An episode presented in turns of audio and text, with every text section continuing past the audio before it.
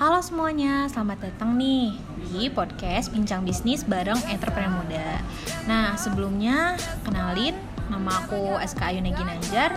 Aku mahasiswi dari Prodi Administrasi Bisnis di Telkom University.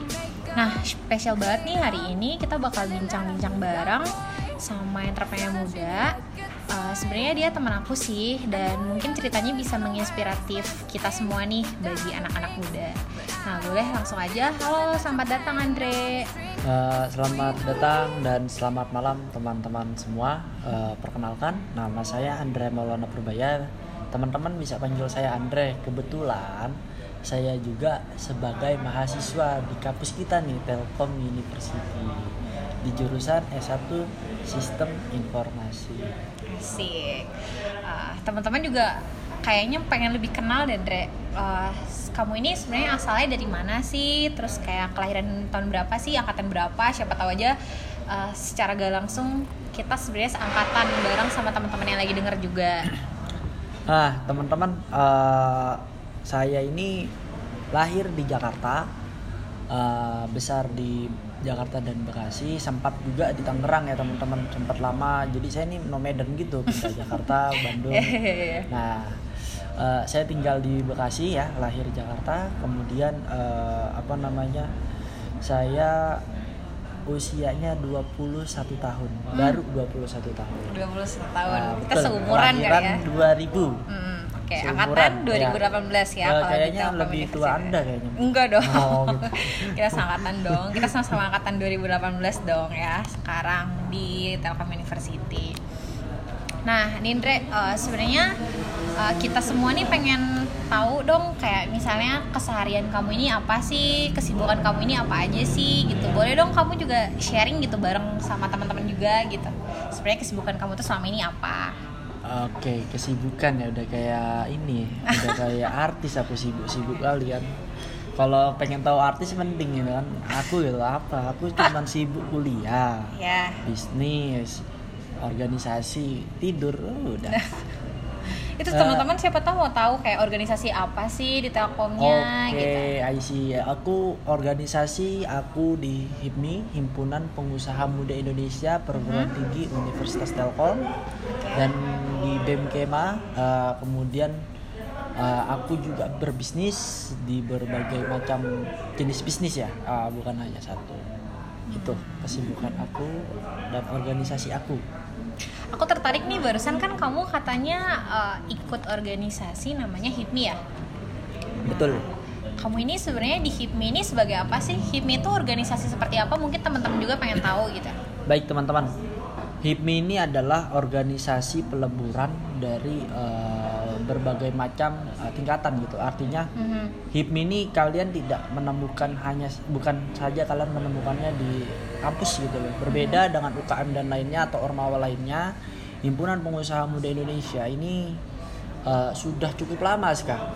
Kurang lebih 47 tahun. Lama uh, juga ya? Udah cukup lama Nah, HIPMI ini organisasi uh, bisa dikatakan eksternal juga bisa karena di beberapa kampus dia eksternal ya. Ada dari pusat, ada dari provinsi, ada tingkat kota dan terakhir tingkat universitas. Itu HIPMI. Nah, sedangkan kita ini berafiliasi di Jawa Barat, berarti kita terafiliasi dengan HIPMI Kota Bandung. Oke. Okay. Nah, HIPMI Kota Bandung ini kan ada namanya Banom. Badan Otonomi hmm. yang di mana menaungi beberapa universitas perguruan tinggi. Jadi salah satunya Telkom. Betul. Hmm. Telkom ini kalau kalau teman-teman mau tahu pertama di Indonesia. Oh ya. Setelah PT UPI. Okay. Jadi Telkom UPI dulu, baru UPI. Jadi oh, enggak Telkom dulu. Oh, Telkom, Telkom dulu. Oh, pertama, iya, pertama 2006. Oh iya iya oke. Okay, Saat itu di prakarsai oleh saat itu ketua umum pusatnya uh, Bapak Menteri uh, Pariwisata uh -huh. Sandiaga Salahuddin Uno tahun 2005 uh -huh. sampai 2008. Kalau kamu sendiri di situ uh, megang divisi apa, Andre? Atau kamu sebagai apa gitu di UKM HIPMI itu? Baik, uh, saya pribadi sebagai kepala bidang bisnis. Oke. Okay. Nah, kepala bidang bisnisnya apa? Jadi uh, kepala bidang bisnis ini membawahi departemen-departemen terkait. Uh -huh. Jadi setara seperti kalau di struktur organisasi itu uh, apa ya GM bisa gitu kan General Eh, Manager betul. dari cabang eh dari anak-anak departemennya. Betul, saya membawahi departemen, departemen eh, pengelolaan pengembangan bisnis PPB Hmm. dan departemen enterprise. Oke. Yang di mana tupoksinya saya bertanggung jawab atas eh, kesejahteraan organisasi, Hmm. kesejahteraan kader, baik itu secara finansial, baik itu secara bisnisnya, bagaimana dia growth, tumbuh dan berkembang dengan bisnisnya, bagaimana organisasi ini bisa mapan. ya. Oke. Jadi bukan hanya rumah tangga aja yang cukup mapan, organisasi pun harus mapan. gitu. Bener dong, benar-benar. Ih kepo dong, eh, kenapa sih kamu lebih milih organisasi yang berkaitan di, di bidang bisnis gitu? Baik, eh, gini teman-teman. Kenapa saya pilih organisasi? Terutama kenapa saya pilih HIPMI ya eh, dibanding UKM lain. Selain karena fashionnya bisnis, kedua HIPMI ini bisa kalian pakai setelah lulus. Oke. Berarti UKM lain nggak bisa, bukan seperti itu. Artinya gini, kalau contoh ya kita misalnya organisasi eh, katakanlah administrasi bisnis gitu. Oke. jurusannya ASKA gitu atau jurusan saya gitu, himpunan mahasiswa sistem informasi. Itu hanya sebatas kampus. After kita lulus, kita nggak ada nih, artinya eh, besok itu kita akan terafiliasi sama mana gitu. Sedangkan HIPMI yang tadi saya bilang, ada HIPMI Kota Bandung, Ya, ada. HIPMI Jawa Barat. Lebih luas ya. Betul. Kita begitu kita mau berproses nih misalnya berproses di tingkat kota. Dari mana? HIPMI, PT. Oh, berarti kita nggak dari nol gitu kan. Iya, betul. Dan sedangkan HIPMI ini kan ser- sering sekali bersinergi Iya. dengan eh, apa namanya?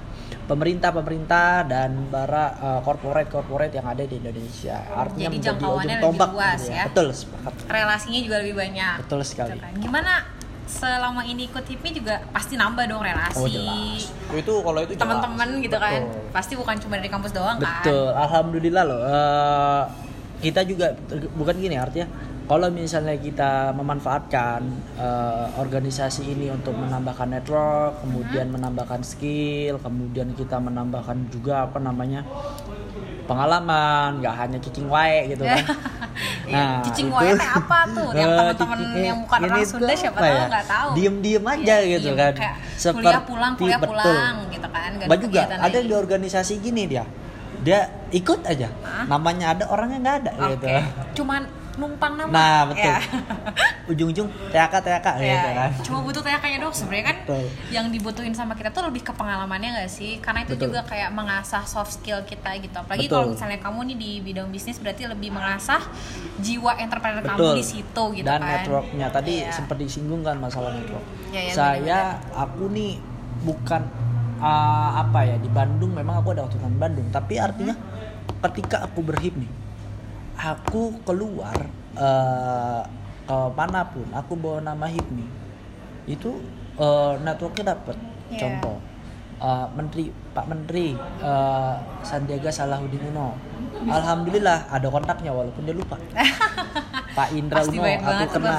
Uh, kemudian juga Ketua Umum HIPMI Jawa Barat, Aha. Tum Surya Batara Kartika, Ketua Umum Arif Sasmita, Ketua Umum HIPMI Kota Bandung, Iya. dan beberapa uh, kementerian dan kepala kadin pun berafiliasi sama kita. Jadi alhamdulillah uh, sering diajak sama senior-senior HIPMI untuk bisa bersinergi dengan uh, program-program daerah seperti itu. Jadi menarik banget ya uh, bisa lah kita melihat channel-channel pemerintahan.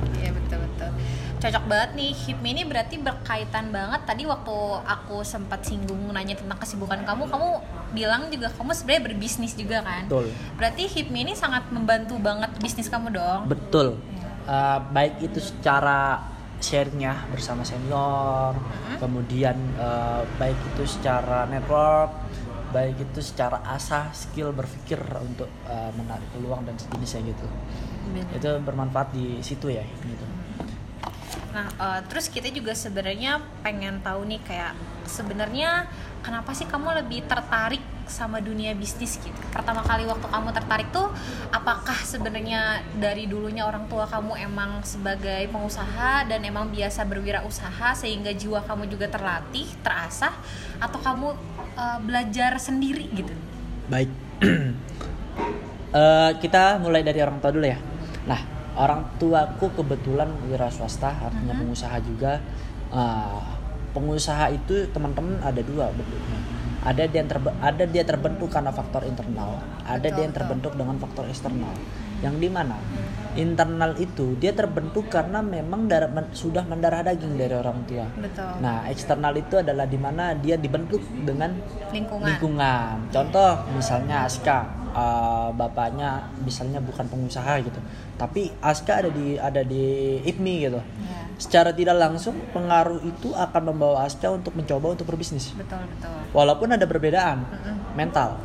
Nah, lanjut pertama kali aku berbisnis itu kelas 2 SD.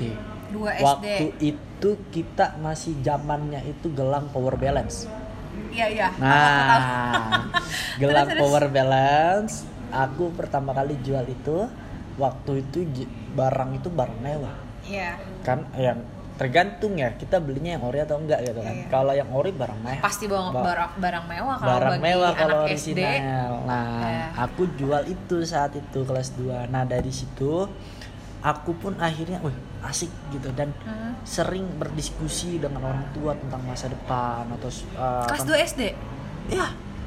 Jadi aku sudah mulai berjualan dari kelas 2 SD bahkan sering diskusi. Kadang pun aku diajak ke tempat kerja, oh begini gitu. Dikenalkan gitu. Eh, walaupun nggak kayak kamu harus jadi pengusaha, nggak juga, nggak gitu saat itu. nggak ada pemaksaan Betul. ya Eh, tapi berkali-kali ber- di- berinteraksi bahwa akhirnya tertanam sejak kecil sampai detik ini gitu loh. Aku ingin jadi pengusaha. Why? Satu. Kenapa aku pengen jadi pengusaha? Karena hidupnya nggak monoton teman-teman. benar-benar Kalau aku mohon maaf nih ya untuk yang pegawai bukannya mendiskriminasi, tapi ini hanya eh, perspektifku sebagai Betul. seorang pengusaha yang aku sa- rasakan saat itu, Mbak. Aku kalau bekerja, apalagi misalnya PNS yang pulang malah hanya di kantor dan selesai, itu monoton teman-teman. Kayak aku terima gaji segitu-gitu aja, aku kerja keras segitu-gitu aja, paling lembur berapa? Sisanya aku harus cari sisa lain. Aku ini pengen yang monoton. Aku nggak mau ya nggak pengen yang monoton teman-teman. benar-benar Nah, bahwa orang eh, almarhum kakekku bilang ini. Jadi kebetulan eh, pengusaha ini dari almarhum kakek ke orang tua dan ke aku gitu. Nah, itu pernah bilang gini, kalau kamu mau nyaman, kalau kamu mau hidup tenang, iya silakan bekerja. PNS kalau perlu. betul Tetapi jangan bermimpi menjadi kaya. Hmm, Eh, konteks kaya di sini adalah finansial ya. Betul. Artinya eh, bukan hanya sekedar mampu, tetapi dia eh, apa ya bisa membeli di atas rata-rata lah kurang lebih Iya, bisa iya, beli iya. apa beli apa. Nah dia bilang gini, kalau mau nyaman jadi PNS, tapi kalau mau kaya jadi pengusaha. Tapi kalau bisa jadi PNS, jangan iri. Nanti ngeliat orang kaya dia punya mobil mewah, punya rumah bagus, jangan ngiri karena kamu ambilnya zona aman gitu. betul betul. Betul banget betul banget. Emang banyak banget ya cerita-cerita dari orang tua yang sebenarnya kalau semasa kecil tuh kayak cuma masuk telinga kanan keluar Betul. telinga kiri. Tapi ketika kita udah belajar kita udah besar gitu kayak oh ternyata betul ya seperti ini. Oh ternyata kayak emang realisasinya seperti ini gitu di, di dunia nyata By the way tadi menarik juga loh kamu kelas 2 SD udah tertarik sama bisnis itu kamu jualan juga atau Betul. kamu jadi reseller gitu? Ah, teman-teman gini ya, perlu pahami. Kebetulan orang tua aku mensupport. Oke. Jadi orang tua aku, ibuku Mhm. itu kerja di Indofood di mana di Jalan Jenderal Sudirman yang di mana kan eh, pekerja di sana juga menengah ke atas ya. Nah dia punya atasan tuh pakai gelang power balance eh, kebetulan dikasih kan. Eh, nggak tau lah itu prosesnya dari mana gitu gelangnya itu lah. Iya, dikasih iya, iya. ya dikasih lihat ke aku "Ih, bagus gitu kan. Teman-teman lihat lah teman-teman main gitu kan. Nitip dong nitip dong beliin. Nah akhirnya satu orang dua orang nitip. Aku bilang bu beli 20 beli 50 orang tua aku ambil Banyak dari, juga dari- ya? jadi pulang kerja orang tua aku ambil gelang power balance aku jual dari teman rumah teman sekolah Emang ada supportnya gitu ya. Betul. Jadi kayak punya support system ya ya suppliernya tuh ibu sendiri. iya gitu ya. bener-bener. Terus ketika ibu kamu ngelihat kayak wah ternyata anak ini ada jiwa jiwa entrepreneurnya gitu. Terus ibu kamu komen apa gitu? Karena kan nggak semua orang tua yang mendukung anaknya untuk jualan sejak kecil betul. gitu. Mungkin bangga ada juga. artinya bangga saya eh, karena aku nggak memiliki rasa gengsi dan malu. Betul betul. Gengsi sih sebenarnya anak segitu kan. Ya. dan emang sebenarnya nggak semua orang tua juga kayak membolehkan gitu. Betul. kan tipe orang tua juga beda-beda ya. Ada yang kayak misalnya ketika anaknya wah ternyata anak ini ada kelebihannya di bidang bisnis disupport. Tapi ada juga orang tua yang gimana ya maksudnya kayak dia eh, ada ekspektasi tertentu, lah. Kayak misalnya ini anaknya lebih baik jangan dulu bisnis deh fokus ke sekolah aja fokus kuliah aja dulu gitu. Kayak udah deh bisnis nanti aja kalau udah gede gitu ya. Jadi dari kamu juga dari orang tua karena emang lingkungannya bisnis banget gitu ya keluarga bisnis jadi itu juga mendorong kamu untuk apa ya ada keinginan untuk membuka bisnis sendiri kali ya. Betul.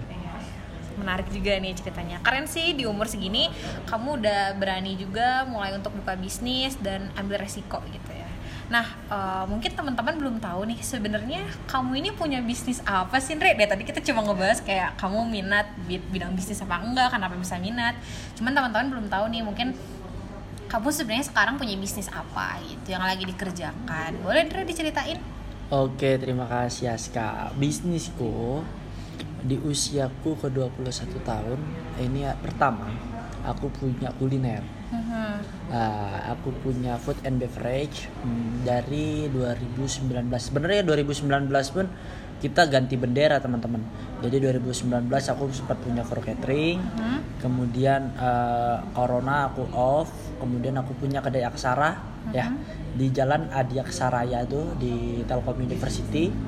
Kemudian aku punya perusahaan PT eh, namanya PT Andrif Jaya Bersama yang diambil dari nama aku yaitu perusahaan di bidang konstruksi dan kontraktor elektrikal listrikan Ah, jadi iya, kita iya. ikut pembangunan ah, sebab kebetulan saya sebagai direktur utama dari PT Andrif Jaya Bersama kemudian juga saya invest juga teman-teman di bisnisnya teman-teman eh, saya gitu eh, yaitu di periklanan Cafe Edge Media dan di eh, apa namanya terakhir saya baru masukin juga di investasi di usaha eh, mebel eh, rotan Oke. di Kediri. Ternyata banyak juga ya bisnisnya, kayak nggak cuma satu cabang di sini aja, tapi coba-coba juga kayak wah punya di sini, punya di sini gitu.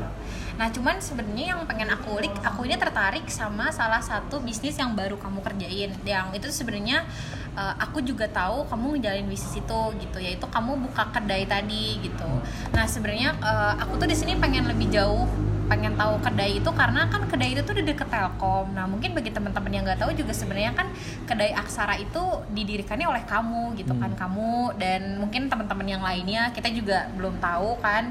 Nah cuman eh, yang pengen aku tahu nih eh, pertama kali kamu memilih untuk bidang bisnis kedai di bidang kuliner itu kenapa? Kenapa aku pilih di sana? Eh, kenapa aku bisa ya artinya kenapa kedai aksara itu bisa jadi lah artinya bisa Iya, betul, bisa betul. ada gitu bahwa aku ngelihat ini ada peluang Hmm. peluang apa Eh, peluang kesempatan yang bisa dimanfaatkan dan tidak datang dua kali artinya gini saat itu aku eh, kedai aksara ini tumbuh di saat aku dapat kontrakan yang memang pinggir jalan Mhm. dan langsung berinteraksi dengan masyarakat dan aku berpikir bahwa kalau dijadikan eh, apa namanya kalau dijadikan kedai ini bisa dan tidak memakan biaya tinggi Mhm. kenapa karena sudah nyatu sama kosan kita Oke. jadi aku lihat ini kalau dijadiin bisnis kedai ini di depan pelataran ini menarik gitu kan Hmm. jadi dengan modal sedikit kita sudah bisa punya yang tempatnya yang lumayan lah nyaman bermakan nyaman Hmm. berkongko teman-teman ceng- bercengkrama gitu kan. Tanpa kita harus berpikir kayak eh waduh ntar sewa tempat gitu. Karena udah satu sekalian sama apa? Kos-kosan. Di kadang situ banyak kos-kosan juga. oh iya itu rumah. Nah kadang kita nih terbatasi sama waduh pengen bisnis uangnya nggak ada Hmm. modalnya nggak ada. Nggak bisa teman-teman teman-teman semua ini punya modal. Loh. Mhm. modalnya berapa? Satu miliar. Kenapa saya bilang satu miliar? Harga lutut kalian itu 500 juta. Saat itu aku tanya bang aku tak punya modal bang. Apa seniorku bilang? Dia bilang gini mau lutut kau aku beli 1 m. Kok lutut? Kau punya lutut bang? Nggak punya modal kau bisa cari. Hmm, artinya betul. modal terbaik adalah dari diri Hmm. Kadang kita udah punya duit nih kita kasih aska 10 juta. Bisnis apa ya? Nah itu. Betul betul. Berarti emang awalnya itu belum ada kepikiran untuk oh langsung ah mau buka kedai. Tapi berawal dari kamu ngontrak dulu di situ. Betul. Nah ketika kamu ngontrak di situ tuh kamu melihat ternyata ada peluang untuk membuka bisnis di situ Betul. yaitu fokusnya di bidang kuliner gitu kan. Dan emang kebetulan pengennya di situ atau emang eh, diniatin tempatnya udah survei ah mau ngontrak di situ atau itu sebenarnya kebetulan aja gitu Kebetulan. kebetulan dan bisnisnya juga kebetulan yang kebetulan yang aku manfaatkan betul betul Peluang. ya. Hmm. jadi saat itu kita cari nih kontrakan dapat ke telkom kita nggak mau jauh-jauh gitu nah yang kosong yang, yang ini tempatnya Iya, ini betul. kosong kemudian bisa dicicil ya udahlah bisa jadiin bisnis jadi beneran gitu keren keren keren itu tuh berarti kapan 2019 ya Oh enggak, kalau yang for catering memang 2019. Maksudnya Iya. perjalanan aku bermain di F&B itu dari 2019. Tapi Hmm. untuk kedai aksaranya ini dari baru 2021 di bulan Februari. baru berarti ya Baru. Hmm, betul betul nah itu tuh uh, pertama kali terinspirasi namanya kedai aksara dari mana sih Seperti yang tadi aku bilang, aku nyari kontrakan di mana? Adiaksa Raya. Aksara Adiaksa Raya. oh sebenarnya itu tuh kepanjangan Dari jalan. ya gila nggak nggak kepikiran apa situ sih kayak oh jalan nih tiba-tiba aksara adiaksa raya ya, Ya. Ah, iya, iya. Oke oke baru kepikiran juga sih ternyata nama jalan bisa kamu jadiin kedai aksara. Hmm, sejauh ini tapi setelah kamu menjalani bidang bisnis bidang kuliner ada juga nggak sih yang pengen hmm, kamu buka lagi gitu misalnya di cabang yang lain selain Oh, kuliner iya. dan selain yang eh, PT apa tadi PT Andrif. Iya, ya, PT. Andrif. Nah. gitu. Ada lagi nggak sih kayak ah pengen coba lagi? Mungkin kamu di bidang apa? Mungkin yang belum Oke. pernah kamu Kalau di FNB sendiri, aku lagi mau coba cari cabang, cari tempat di Bandung Kota karena eh, artinya mau mau inilah mencoba menjajaki marketer di Bandung Kota ya selain di Telkom. Nah, kalau di bidang lain bisnis, aku tertarik di bidang properti. Nah, Properti? ya. mahal banget Nah, di properti itu aku be- baru belajar 2020 eh, kurang lebih 6 8 bulan yang lalu. ya. Aku baru belajar, kita ngobrol dari awal tongkrongan, dari tongkrongan aku ketemu sama eh, bapak-bapak. Bapak, Iya, betul. oke. Ketemu bapak-bapak, seorang bos properti Mhm. yang sedang mencari listrik. Elektrikal. Nah, kan elektrikal itu listrik tuh artinya kan Iya, benar-benar. sesama kontrak sesama kontraktor, sesama konstruksi. Hmm, Ngobrol-ngobrol kaget pula dia lihat umurku. hmm. Ah, dia bilang, "Ayolah, kau masih punya potensi, masih muda. Ah, belajar sama bapak sini. Nanti bapak ajarin sampai kau bisa jalan sendiri." Hmm. Nah, itu bapak-bapaknya random gitu maksudnya? Betul. Belum kamu kenal. betul. Terus baik banget ya bapak itu mau langsung gini, teman. kamu. bahwa sebetulnya eh, itu adalah suatu eh, perilaku bawah sadar kita gitu loh Iya ya. sampai mana dia bisa nyaman sama kita sampai mana dia bisa interest sama kita sampai mana dia bisa care sama kita Betul, itu betul. tergantung dari first impression Hmm. nah awalnya dari aku nongkrong mhm. aku bicara nongkrong nih sama yang kenal tempatnya kan waktu itu lagi di Pancong nih Hmm. ngobrol soal bisnis kelistrikan dia punya kawan di properti gitu kan wah bagus nih pertemukan dan ternyata lihat ada peluang akhirnya belajar Oke, berarti sekarang lagi mau coba di bidang itu tuh. betul Oke, semoga sukses ya Amin. menjalankan bisnis yang barunya selain kuliner. Nah, eh, terus waktu kamu bangun kedai ini tuh sebenarnya kamu sendiri atau kamu partneran bareng teman-teman? Apa sebenarnya ada campur tangan keluarga juga? Eh, aku partner sama kawan-kawan ya di HIPMI eh di HIPMI dia di Telkom lah intinya. Iya.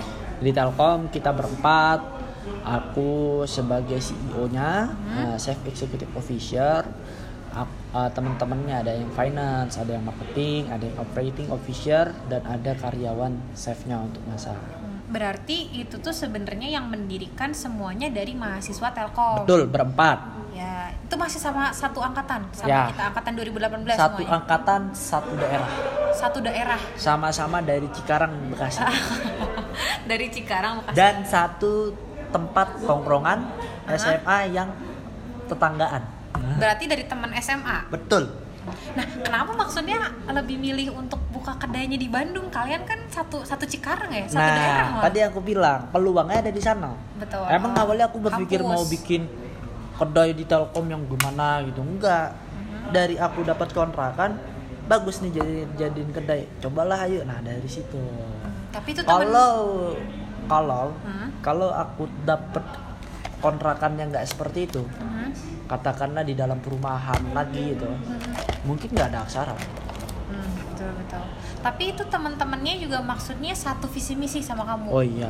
Maksudnya kan mungkin ada aja yang misalnya kamu punya teman tongkrongan nih berempat, tapi yang cuma minat di bidang bisnis cuma berdua atau bertiga dan satunya kayak cuma ikut-ikutan doang. Eh, empat-empatnya pengen belajar, termasuk saya juga masih belajar. Empat-empatnya pengen mencoba, empat-empatnya juga eh, punya keinginan gitu. Punya keinginan Tapi di bidang bisnis sekali juga. lagi setiap orang tidak memiliki kemampuan yang sama. Betul betul. Berarti empat orang ini tuh kamu sebagai CEO, terus teman-teman yang lain siapa? Boleh Ad- dong disebutin? Oke, ada Kevin. Kevin. Anak adbis. Oh, anak Kosong- administrasi Betul. bisnis juga? Administrasi Jurusan ya bisnis aku. 07 kalau nggak salah. Hmm, angkatan 18. Betul. Kevin sebagai Sebagai finance official.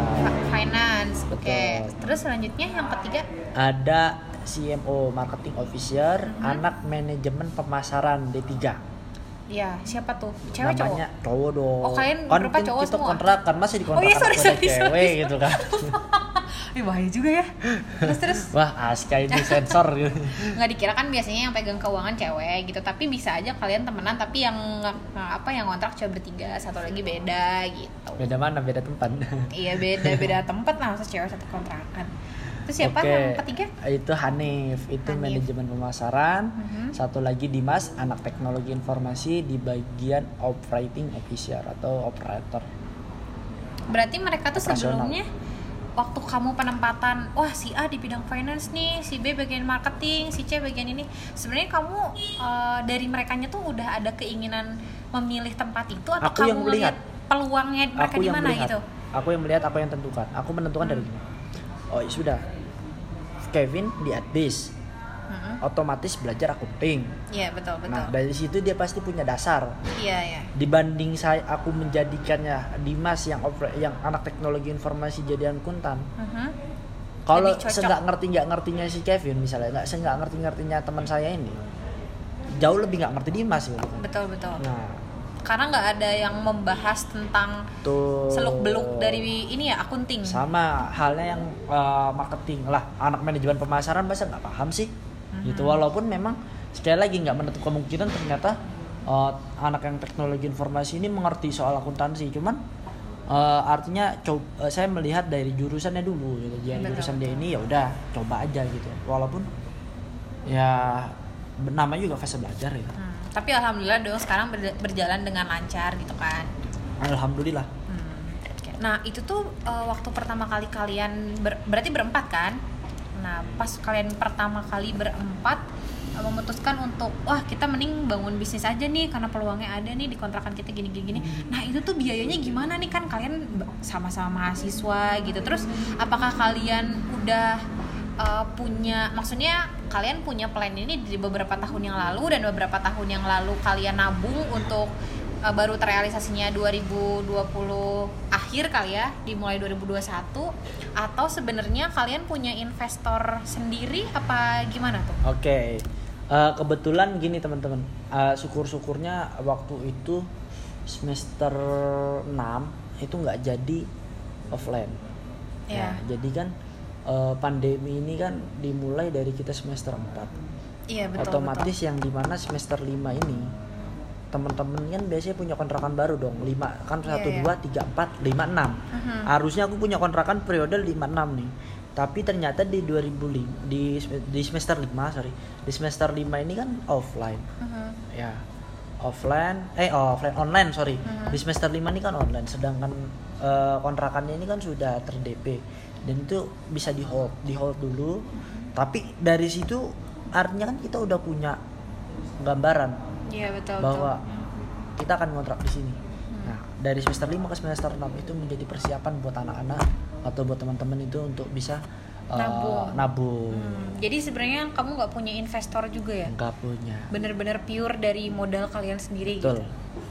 Keren juga ya berarti teman-temannya juga punya niatnya tinggi. Soalnya menurut aku kalau misalnya kita udah mau buka bisnis atau apa segala macam kita kan nggak cuma ngeluarin uang 100 apa 200 ribu kan. Betul. belum lagi dari sistem operasinya sistem persiapan yang lain pasti itu butuh banget biaya yang besar gitu. Betul. Nah terus eh, waktu kalian bareng-bareng berempat nih waktu ngebangun si kedai aksara itu ada kendala apa aja gitu. Dari internal kah apa dari inter eh, dari eksternalnya boleh dong kayak cerita-cerita. Faktornya adalah faktor pertama. Eh, untuk teman-teman ini teman-teman yang mendukung yang mensupport di Aksara ini pertama buat mereka. Hmm. artinya aku harus mengajarkan ya memang sebagai seorang CEO harus memahami itu semua. Betul, tetapi eh, akhirnya ya memang namanya juga belajar kan ya ada yang salah ada yang kurang. Hmm. nah kendalanya dari situ. Di mana kita punya stok nih. Ternyata stoknya stok satu hari baru keluar tiga hari. Karena kan menjadi PR iya betul. Sedangkan aku punya beban. Mhm. beban liabilitas ya kan? Beban karyawan dan lain-lain.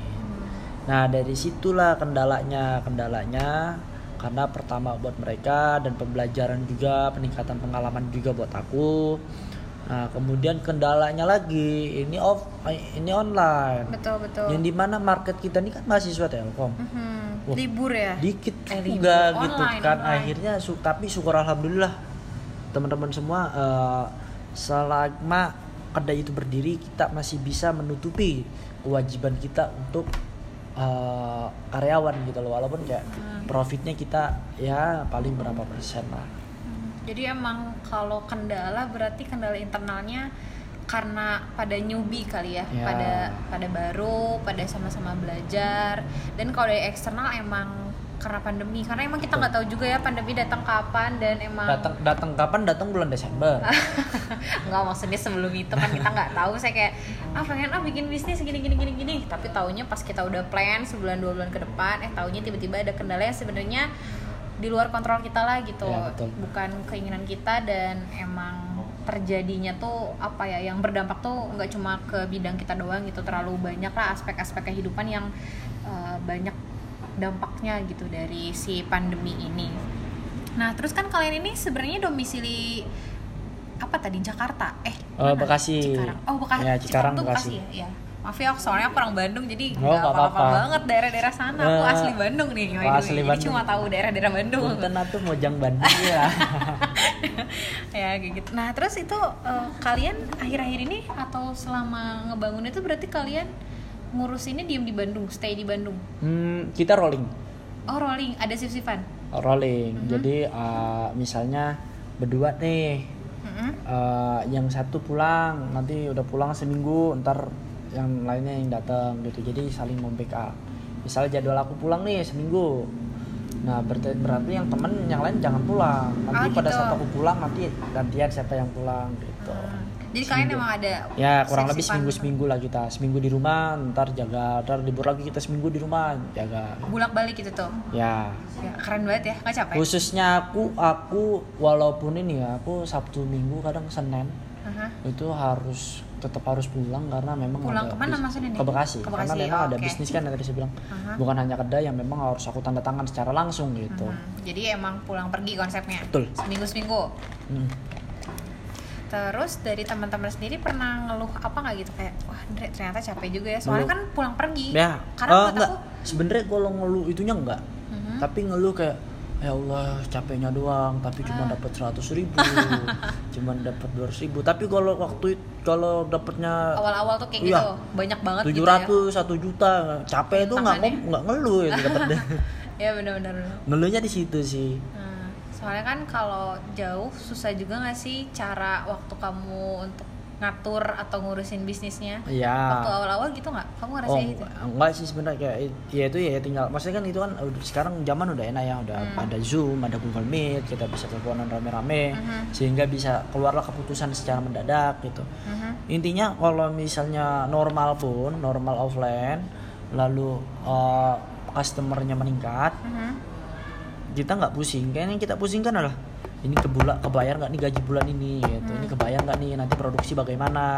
Ini barang numpuk nih gitu. Hmm, Berarti eh, sebenarnya selama online ini strategi pemasaran yang kamu pakai tuh gimana buat nge-up kedainya gitu? Nah, kebetulan aku ini kan bikin eh, bikin target bahwa misalnya efektivitasku 300 hari kerja dibagi eh, berapa nih 300 hari kerja dibagi bebanku selama satu tahun berapa Mhm. misalnya bebannya 60 juta 60 juta bagi 300 oh sekian nah, artinya kan per harinya nih ada beban sehari minimal harus keluar berapa puluh box gitu Mhm. ketika tidak tercapai aku pakai catering Nah, Catering. yang tadi saya bilang for catering itu berawal dari catering bahwa ada For, ormawa ormawa maaf maaf mau potong. For catering itu ada di Bekasi. For catering itu berawal dari kontrakan di Bandung Ah. berdasarkan dari peluang Aha. Ah. sam- eh, sampai bulan Maret. ketika tang- kerja sama sama kedainya itu gimana? Oh enggak, ini enggak ada hubungan. Oh nggak ada hubungannya. Ini pertama kali. Oke. Oke, sampai bulan Maret. Mhm. Kan Maret 2020 tuh offline. Iya iya benar Tutup, masih. tutup udah. Maksudnya aku mengadopsi eh, Konsep. mod ya konsep bisnis for catering ke dalam ke- bisnis ini. Ke dalam bisnis ini Oh, karena itu kan itu tuh- catering. Oke. Nah, aku menutupi hariannya itu pakai catering. Ke mana? Hmm. Ke Ormawa. Karena apa? Oh Ormawa juga. Yes. Hmm, kerja sama. Betul. Hmm. Kan kalian organisasi bikin event butuh makan, Betul, butuh betul. sponsor. Nah, itu dia. Oh gitu ya. Aku baru tahu loh. Nah, Ternyata kamu kerja sama juga sama Ormawa-Ormawa. betul. Hmm. Terus tapi ikut juga gak sih kayak sekarang kan zaman udah canggih banget tuh kayak misalnya kamu daftarin ke oh, Gojek, ke GoFood, Grab, Gojek, iya dong. ngedaftarin Nah, juga. jelas. Iya, soalnya gimana ya sekarang kan kalau orang mager gitu ya di kontrakan, di kosan gitu. Eh gimana sih cara makan kalau misalnya mereka aduh cek cek cek aduh mager banget nih kalau mau jalan kaki ke kedai pasti mereka kayak cuma lewat HP pencet pencet pencet, ah, pesan gitu-gitu. Berarti udah ikut juga ya, ikut kayak gitu. Eh menunya apa aja? Kali aja teman-teman nggak Nah, tahu. Menunya nih kita fokus ayam ya. Hmm. Ada ayam geprek, ada Mhm. ayam penyet, Mhm. ada ayam. Tapi yang paling trending tuh di Telkom tuh ayam eh, ini eh, nasi telur kulit Hmm, kulit. crispy. Oke. hmm. Nasi kulit telur crispy, kulit telur crispy. Jadi ada kulit ayam Mhm. dibalut sama telur, nah, digoreng dengan cara crispy itu. Itu paling best seller. Ya paling rame di ini dan kita tuh mainnya variasi variasi Mhm. sambal ada sambal merah sambal mata sambal hijau ada juga sambal geprek dan uh, sambal teriyaki Hmm, Nah. Tapi emang kalau di kalangan anak muda ini yang paling cocok gitu ya sama seluruh seluruh mahasiswa mahasiswa itu emang menu ayam gak sih? ya betul Soalnya karena ayam ini gampang banget diolah dan Betul. rasanya beragam. ya Dibandingkan misalnya kamu misalnya jualan makanan-makanan yang khas daerah gitu, entah Betul. itu khas uh, Manado, khas mana gitu. Maksudnya kan nggak semua orang cocok gitu kan sama rasanya. Cuma kalau ayam emang aku juga setuju sih kenapa best seller karena emang tapi pusing kenapa tuh? Monopoli harga ayam Oh benar benar benar Ah. ya monopoli harga sih situ. Tapi kalau di situ tuh sebenarnya banyak juga kedai-kedai gitu. oh banyak apalagi ayam ayaman Mhm. nah value kita berbeda tuh gini bahwa ini tuh tempat nongkrong tempat nongkrong Hmm. eh, tempat makan berat kita kan kalau misalnya ngopi ngopi aja gitu kita nggak bisa makan berat paling temennya ini roti Iya betul betul. gitu kan nah tapi ini kita bisa nongkrong bisa makan berat kenyang tapi kita bisa nyaman nong buat nongkrong gitu loh. Hmm. kita bisa makan kenyang kita nyaman buat nongkrong. Kan biasanya kalau mau makan kenyang kita harus pilih. Teman-teman nih ada yang makannya nih di misalnya makannya di warung sate ibu ngantuk gitu. Ngopinya di mana gitu kan karena kita nggak Hmm. Bisa kenyang di tempat gitu kopi kan, gitu. benar-benar, iya, tapi itu jadi satu sekaligus. Kita bisa ngopi kita bisa kenyang makan ya betul betul berarti emang target pasarnya juga mahasiswa dong. Harga harganya terjangkau dong. Nggak mungkin kayak misalnya jualan di kampus tapi mah mehong mehong Enggak pasti. dong. Murah Aduh, kita iya. tiga belas ribu dua belas ribu sepuluh ribu lima belas ribu. Berarti boleh tuh buat teman-teman yang dengerin juga tuh siapa tahu minat boleh juga ya tuh. silakan kalau berminat kontak ke kedai aksara Tuh. untuk GrabFood dan GoFoodnya di mana? Ya di kedai aksara dong. Bener bener bener buat uh, dosen semua catering apa kita siap laksanakan. Deket juga ya ya. di Sukapura ya? Ya betul banget. Nah eh, ini kan pandemi nih. Pengen balik lagi kayak gimana sih kak cara kamu mimpin kedai sebagai di situ kan kamu sebagai kepala ya atau kamu tuh sebagai nakoda lah yang ngejalanin semua prosesnya gitu. Kamu harus ngekontrol semua teman-teman kamu dengan berbagai divisinya masing-masing. Nah kalau misalnya lagi online kayak gini kesulitan gak sih kalau kamu apa kontrolnya atau mimpinnya lewat zoom dan segala macam online? Hmm, kesulitannya ini adalah ketika uh, aku harus uh, apa ya tidak bisa memberikan contoh secara langsung gitu. betul betul Jadi betul kadang instruksiku dicerna dulu, Virtual ya? Nah, nggak nggak langsung nggak langsung diimplementasikan. Jadi perubahannya itu tidak berdampak secara langsung. oke Kalau lang- kalau misalnya offline, kalau misalnya online kan eh offline kan eh, kita pasti kuliah di tempat yang sama. Ketika Betul. ada keputusan kita langsung eksekusi. gitu. cara kamu mimpinnya lebih mudah ya kalau misalnya lagi offline tadi kan katanya eh, kamu punya karyawan juga ya jadi Betul. karyawan tuh berarti di luar teman-teman kamu Betul. Yang khusus di bidang produksi Ya, masak gitu masak. terus Ya, melayani dia, gitu Ya dia mas, enggak melayani kita.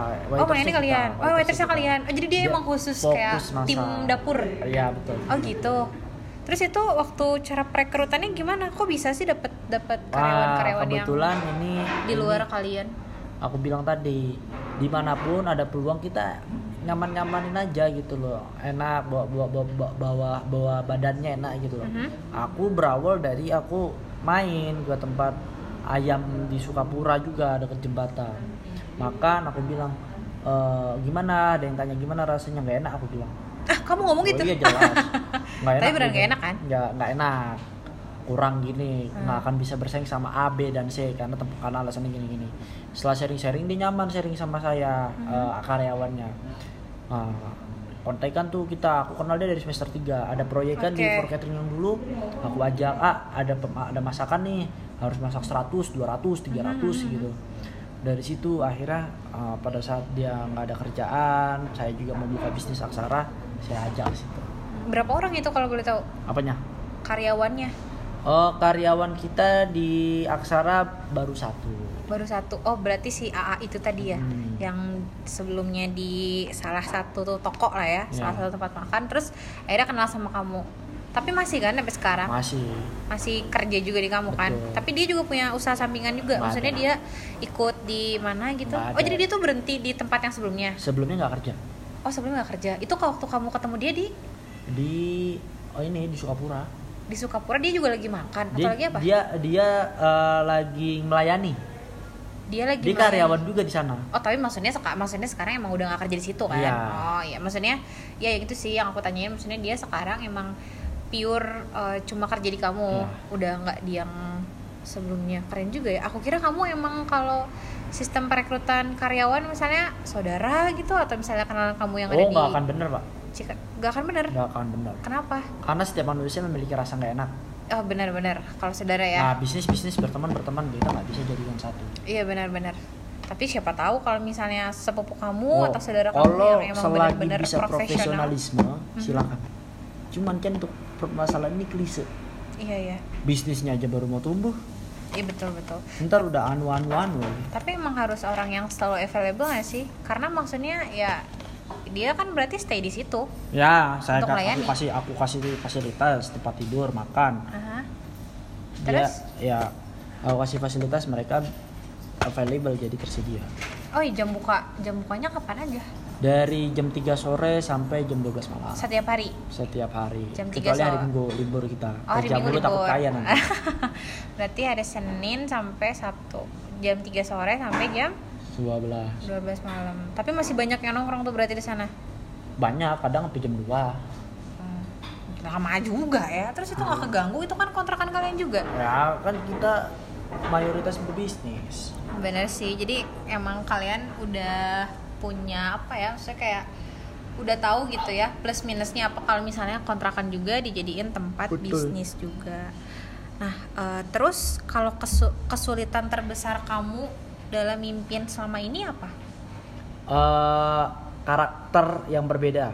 Setiap orang yang berbeda. Karakter yang berbeda ketika aku misalnya menyampaikan seperti ini untuk orang suku Mak Jawa atau mungkin mungkin nggak kayak rasa nggak enak gitu kayak Mhm. oh gini baper gitu kan. Mhm.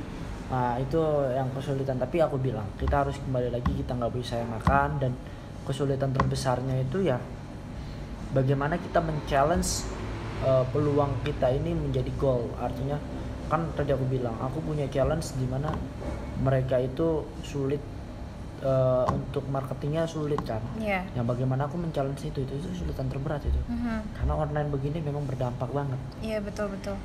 Karena menurut aku juga sebenarnya pengaruh pemimpin itu sangat penting ya. Soalnya eh, mungkin bagi orang-orang yang sebelumnya punya pengalaman kerja atau pengalaman eh, apa ya pengalaman dia megang suatu usahanya emang jam terbangnya tinggi mungkin udah biasa. betul Cuman bahkan bagi- aku gini ya aku pernah dengar kamu nggak perlu pinter kalau Mhm. ketika kamu menjadi bos kamu nggak perlu pinter yang kamu yang kamu butuhkan hanyalah bagaimana kamu bisa memanage anak buahmu Betul betul betul.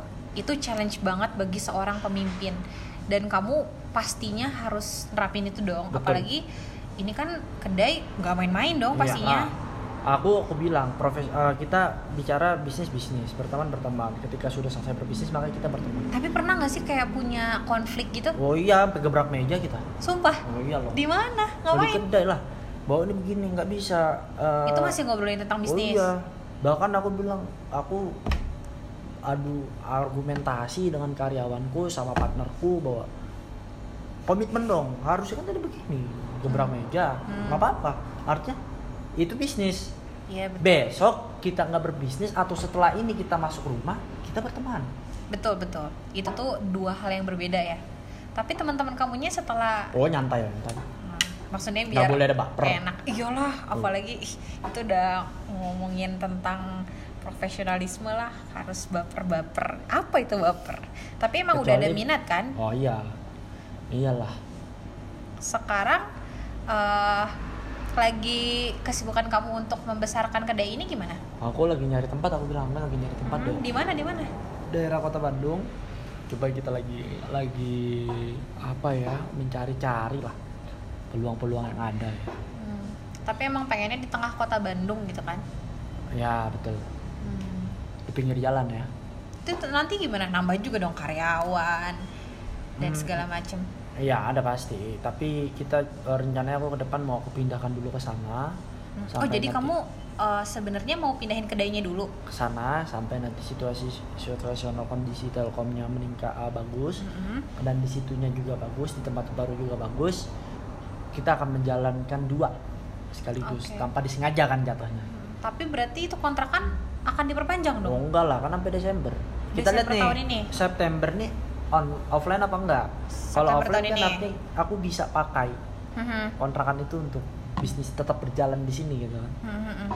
Berarti kalau misalnya emang nggak offline emang rencananya mau dipindahin dulu sebelum Iya, buka cabang. ah. Hmm, tapi udah survei-survei gitu. Sudah. Itu kamu sendiri apa teman-teman Oh, kamu juga? temen-temen dong. Ya, siapa tahu kayak ah kamu iseng kamu kan anaknya suka jalan-jalan tuh kayak ke mana tiba-tiba kayak ah cari tempat aja deh sendiri Aku gitu. nggak segabut itu Aska. siapa tahu tapi gimana persiapannya untuk pindahin kedainya Eh, kita masih on progress, kita nyari tempat dulu lah, tempat yang cocok. Nanti baru kita akan eh, coba anggarkan dan kita akan buat formulasinya. Iya betul betul. Nah eh, tadi kan kita udah ngomongin tuh kayak misalnya kamu emang minat di bidang bisnis, terus kayak eh, kamu juga buka bisnis. Nah sebenarnya apa sih yang paling kamu suka dalam berbisnis dan apa yang paling gak suka? Kayak suka dukanya lah gitu. suka duka aku pernah diuji sangat-sangat berat 2019 bulan November sekarang Hmm. saat Kenapa? itu bulan ah Kenapa? saat itu 2019 bulan November di mana aku ingat sekali tanggal nggak dimulai dari 31 Oktober aku kan aku bilang waktu itu 2019 aku masih for catering di mana for Mhm. catering itu uh, aku lihat aku ada peluang untuk income gitu nah tetapi kan aku sistemnya begini ketika ada proyek Mhm. maka karyawan aku akan aku bayar karena by Betul. proyek kerjanya by catering ya Nah, sampai di mana di bulan depan di tanggal 1, 2 dan 3 November aku dapat orderan itu kurang lebih eh, berapa ribu ya? 12 Oh, banyak banget ya? ribu lebih dari mana tuh Eh, dari salah satu universitas yang ada di Indonesia pokoknya. Mhm. oh dia pesan catering ke kamu Betul, ada acara ada acara nasional. Mhm. Nah, eh, saat itu aku udah hitung. Keuntungan aku saat itu coba saya hitung eh, tujuh ribu aduh butuh kalkulator nih dikali 12.000 berapa itu? aduh berapa ya 7.000 kali 12.000 coba. 7000 dikali 12000 84 juta Wah lumayan banget tuh Keuntungan aku saat itu harusnya tanggal 1 2 3. Nah, aku kan punya tanggungan dibayar yang nah aku rencananya gini. "Ah, Yaudah Bas, ntar saya bayar di or- di apa namanya di proyek kita yang tanggal 1 2 3 itu. Mhm. Ya kan? Oke, aku bayar. Karena acaranya Jumat Sabtu Minggu tuh. Jumat Sabtu aku bayar. Nah, pas hari pas hari Sabtu Minggunya aku bilang, "Nanti datang lagi ya, soalnya kita masih ada event gitu Iya. kan." Oh iya siap gitu kan. Ternyata pada tanggal itu tuh dia tuh nggak datang tuh, nggak Mhm. datang. kenapa I Emang don't know, mungkin karena aja? dia habis terima gaji proyek sebelumnya gitu Oke, kan. oke. Nah, yang datang cuman koki dua orang. Aku waktu itu punya koki dua, punya packing tiga lima orang karyawanku. Mhm. Nah, eh, mereka tuh nggak datang, akhirnya packinganku terbengkalai Mhm. dan acara mereka berantakan. Oh gitu Satu dua tiga dan aku ah, tadinya untung 48 juta, aku malah rugi nggak jadi kan nggak jadi. Rugi kurang lebih saat itu berapa ya? 30-an lah. Mhm. Nah, eh, aku rugi ya mungkin angkanya masih terlalu kecil tapi saat itu memang aku minus. Mhm. Minus akhirnya ya akhirnya aku rugi dan aku harus tanggung itu dan aku harus lunasi dalam waktu dua bulan. oh gitu Nah, Terus? akhirnya aku pusing, aku sampai di posisi di mana aku punya motor, Mhm. aku eh, sewain. Jadi Oh, aku gitu. kuliah jalan. oh gitu pernah Supa- ya, terus aku jalan dari Palem 1 sampai Telkom. Mhm. Teknik Mhm. ujung-ujung. jauh ya Nah. lumayan tuh Aku Ah, jalan itu untuk supaya apa? Supaya motorku ini berputar 50.000 ribu, Betul, ribu untuk aku bisa sambung hidup untuk Mhm. makan sehari-hari. Dan sampai di titik itu aku pokoknya sampai uangku tinggal 37.000 ribu saat itu. Mhm. Aku pakai 37.000 ribunya itu aku bikin danusan. Mungkin teman-teman kayak ngerasain gorengan-gorengan gitu. Jadi pagi-pagi aku bawa gorengan-gorengan itu ke asrama.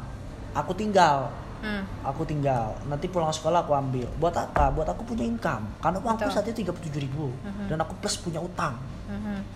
itu kamu sendiri apa Oh, iya. teman-teman kamu aku pribadi oh gitu saat itu di saat aku yang di mana uang eh elah gampang banget gitu kan Hmm. aku sampai minus dan bahkan aku harus berjualan danusan aku kuliah jalan kaki Mhm. ya kan kadang aku pun nolak kalau pulang sekolah apa ya pulang kuliah gitu kan makan dulu di sini nggak ah di kontrakan aja lagi Lebih murah ya, apa. lebih karena hemat. enggak karena biar nggak keluar uang Hmm, iya lebih hemat dong betul. Mhm.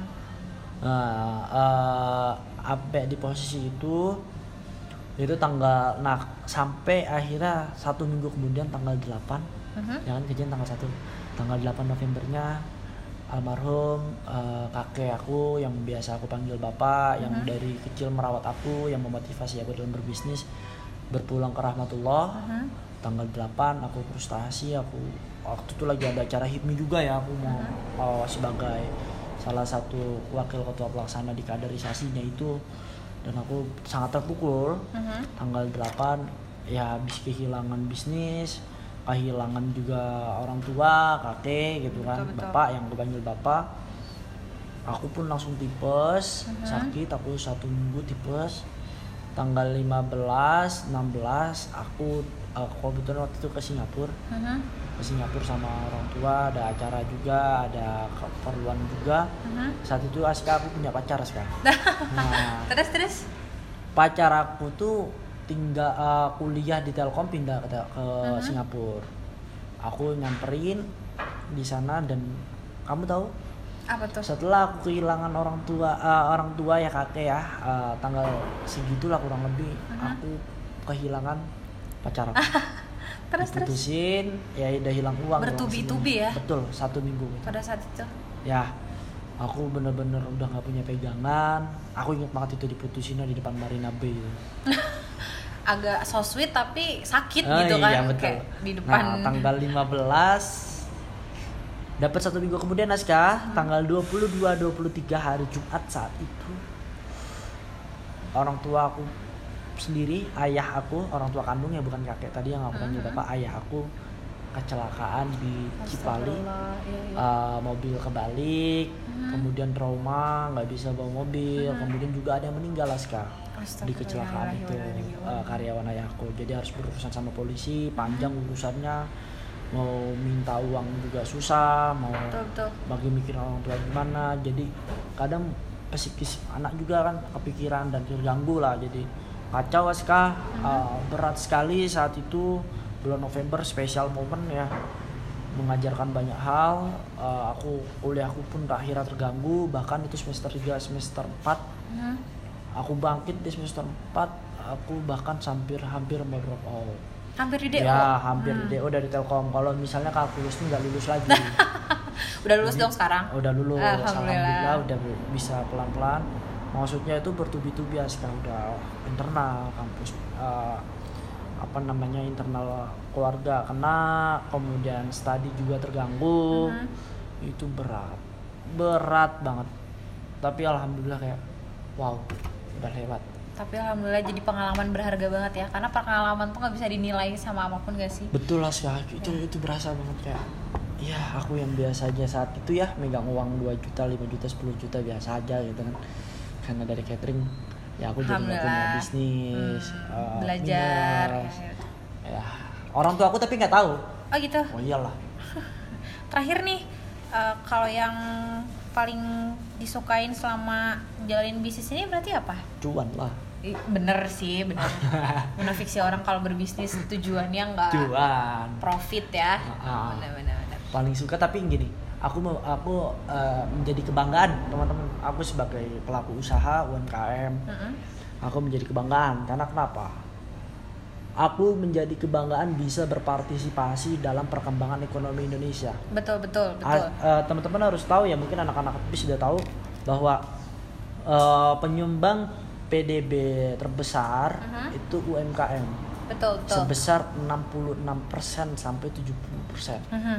ya UMKM yang kalian anggap sebelah mata tapi gini ya sebenarnya UMKM itu besar. Bukan UMKM itu besar omsetnya dua setengah miliar minimal. Nah eh, kalian anggap setengah mata itu bisa membantu dan kalian juga harus tahu bahwa penyerap tenaga kerja terbesar itu UMKM mas kak. 90% penyerapannya. Mhm. nah itu yang aku senang gitu loh aku bisa berpartisipasi gitu kan. Betul. Dan aku senang juga aku tantangan gitu loh. Hari ini aku punya uang besok aku bisa nggak punya uang Ya, gitu betul betul. Namanya juga berbisnis ya. Betul. Ceritanya sangat menginspiratif sekali ya. Nah eh, sebenarnya aku sebelumnya juga makasih banget nih Andre, soalnya ternyata nggak kerasa kita ngobrol udah hampir satu sejam jam. ya.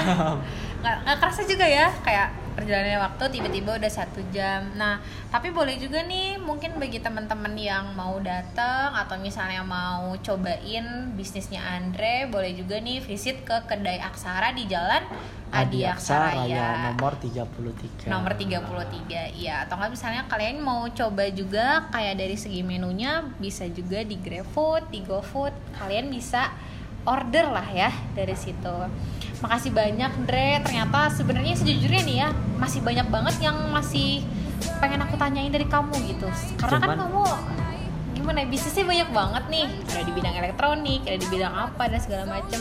Karena mungkin kita keterbatasan waktu semoga di next episode kita bisa bincang bisnis lagi bareng entrepreneur muda bareng kamu buat ngebahas bisnis bisnis kamu yang lain Nah, paling kalau dari aku gitu aja. Makasih ya teman-teman yang udah datang. Makasih juga Indre udah mau uh, ikut berpartisipasi dalam podcast yang aku buat ini.